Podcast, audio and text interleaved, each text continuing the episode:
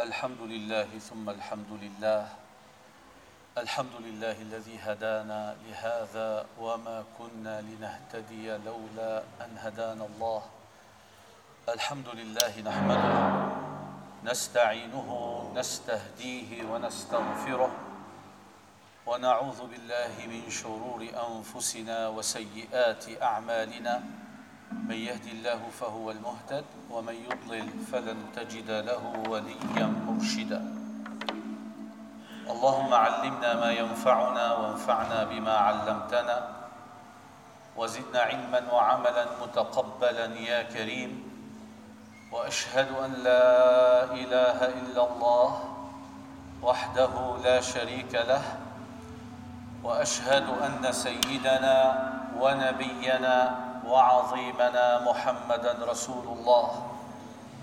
اللهم صل وسلم وبارك على سيدنا محمد وعلى آله وأصحابه أجمعين. أما بعد عباد الله أوصيكم ونفسي بتقوى الله عز وجل وأحثكم وإياي على طاعته ورضاه. ونستفتح جميعا بما فيه الخير حيث يقول ربنا جل وعلا في سورة الحاقة فإذا نفخ في الصور نفخة واحدة. فإذا نفخ في الصور نفخة واحدة وحملت الأرض والجبال فدك دكتا دكة واحدة فيومئذ وقعت الواقعة وانشقت السماء فهي يومئذ واهية والملك على أرجائها ويحمل عرش ربك فوقهم يومئذ ثمانية. لازلنا مع حضراتكم. في وقفات مع جزء تبارك. وصلنا إلى سورة الحاقة. وصلنا إلى قوله تعالى فيها فإذا نفخ في الصور نفخة واحدة آيات وعبر لنتعظ بها ونعتبر. الحاقة اسم من أسماء يوم القيامة. من الحق وإحقاق الحق لصاحبه. ومن الثبات وهي تحق لكل عامل عمله فلا ظلم اليوم. أخبرنا الله فيها عن أقوام كذبوا الرسل.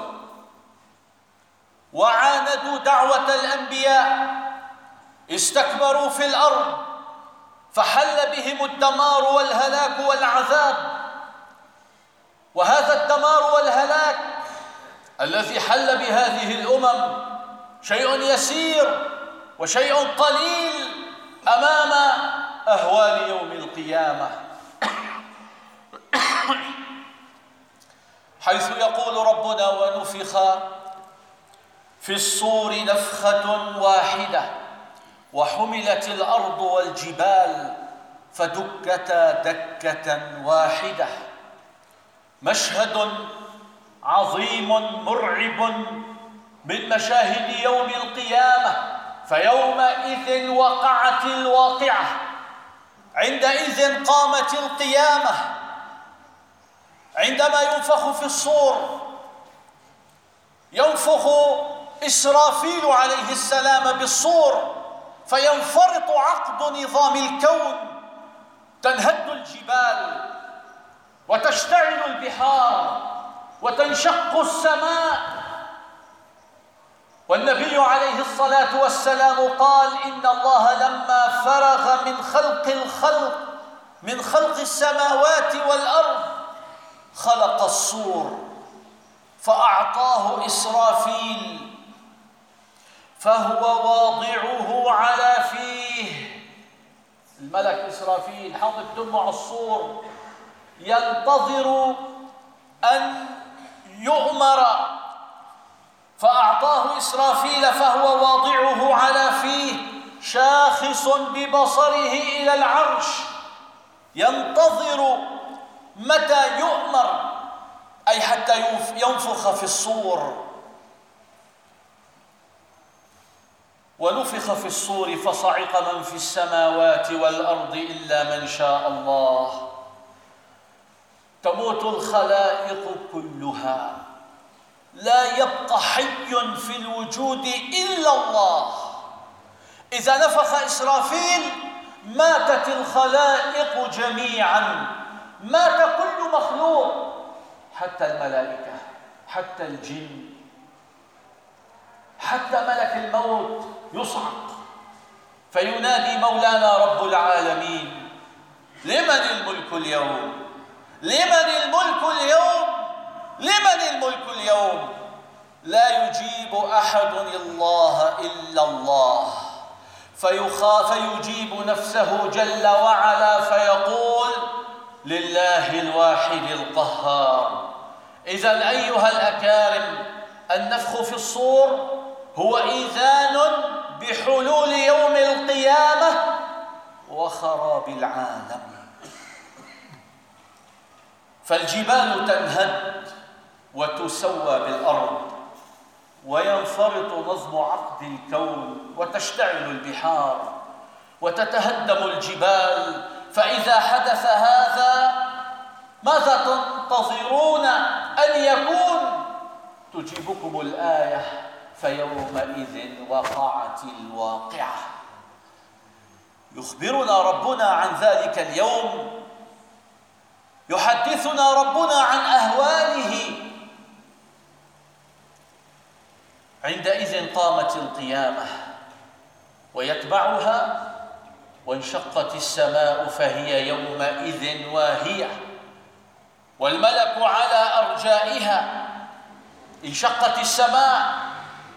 يعني دمار الكون خراب العالم خراب هذا النظام. العجيب المصنع بإحكام. ينفرط نظم عقد الكون. فالسماء متشققة متصدعة ضعيفة بعد أن كانت محكمة بديعة. خراب العالم مشهد مرعب. وبعد هذا المشهد المرعب يصور القرآن مشهد جلال الله وعظمته المسيطرة على هذا الكون فيقول سبحانه والملك على أرجائها ويحمل عرش ربك فوقهم يومئذ ثمانية الملائكة على أطراف السماوات والأرض تنتشر في كل أرجاء الكون استنفار ملائكي عظيم. الملائكة. الملك على أرجائها أي في أطراف السماوات. منتشرون لا يعصون الله ما أمرهم ويفعلون ما يؤمرون. وثمانية من هذه الملائكة تحمل العرش. والعرش كناية عن العز والسلطان. وعرش الله لا يعلمه البشر على البشر على الحقيقة. إلا بالاسم العرش أكبر المخلوقات. العرش كناية عن قوة الله جل وعلا وسعة سيطرته سبحانه وتعالى. قال سبحانه وترى الملائكة حافين من حول العرش يسبحون بحمد ربهم وقضي بينهم بالحق وقيل الحمد لله رب العالمين. قال النبي عليه الصلاة والسلام ما السماوات السبع والأراضين السبع من الكرسي إلا كحلقة ملقاة في فلات. تصور معي أرض كبيرة جدا وفي وسطها حلقة صغيرة. السماوات والأرض بالنسبة للكرسي كحلقة صغيرة ملقاة في أرض كبيرة. وما السماوات والأرض والكرسي؟ بالنسبة للعرش إلا كحلقة ملقاة في فلات. أعود إلى حديث النبي عليه الصلاة والسلام ما السماوات السبع والأراضين السبع؟